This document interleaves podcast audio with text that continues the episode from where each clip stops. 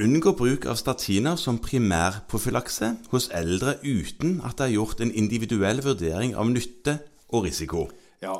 Nå tenker jeg jo at dette er det geriaterne for øvrig som minner oss på. Ja. Siden vi snakker om eldre, så er ikke det noen overraskelse. Nei. Og så tenker jeg at her, når jeg leste dette første gang, så fikk jeg litt følelsen av at man slår inn åpne dører. Ja, hvorfor det? Eh, fordi at hvilke medisiner er det du har tenkt å skrive ut uten en individuell vurdering av nytte og risiko? Nei, men er det ikke sånn at eh, hvis kolesterolet er høyt nok hos en ung, så smeller du på med mm, kolesterolsenkende medisin nesten uten å tenke noe videre, punktum? Hvis det er høyt nok.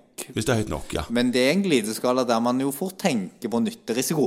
Så tenker jeg at, at e, Egentlig så er det et råd som sier at tenk deg om, for det bør du gjøre. Og det bør du egentlig gjøre alltid. Og så er det dette med eldre, da. Og da er det viktig at nå snakker vi om primærprofylakse. Og det er altså da å forebygge før pasienten eventuelt har fått en hjerte-karhendelse. Ja, et slag, for eksempel. Ja, eller et hjerteinfarkt. Har de fått det, så er det noe helt annerledes. Da er indikasjonen mye, mye sterkere. Ja, for da har de vist at de ikke tåler sitt høye kolesterol. Ja. Ja. Men når man snakker om at de ikke har hatt en hendelse ennå, så Mhm. sier nå dataen, og det sier de også en del om i dette eh, Gjør kloke valg-rådet, Ja. at eh, hos de over 75 så har det vist veldig god forebyggende effekt hvis de har lange leveutsikter.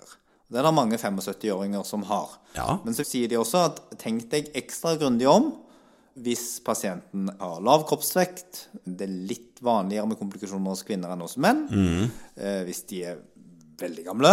Mhm. Ja. Eh, og hvis de skal ha høye doser, og hvis de generelt har en polyfarmasi, Ja, Som betyr at de bruker mange medisiner. eh, da øker sannsynligheten for at dette blir bruk, og at kost-nytte-verdien er dårligere. Mhm. Og så er det det samme hvis pasienten har en sykdom som gir veldig kort leveutsikt. Altså aktiv kreftsykdom, Jo, jo. voldsom underernæring, Ja.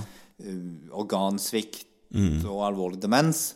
Så er primærprofylakse med statiner å starte opp det Mhm. det er litt underordnet, og du vinner lite på det. Ja, Og rådet sier jo at du faktisk skal tenke deg ekstra nøye om før du starter med, med dette til eldre. Ja. Og da kan det være greit at hvis det er en pårørende som hører dette her, så er det ikke nødvendigvis sånn at man underbehandler hvis man lar være å gi statiner til en som aldri har hatt noe hjerte-karsykdom i det hele tatt. Nei, da er det fordi at man har tenkt at kost-nytt-verdien av det er for dårlig for den pasienten. Ja.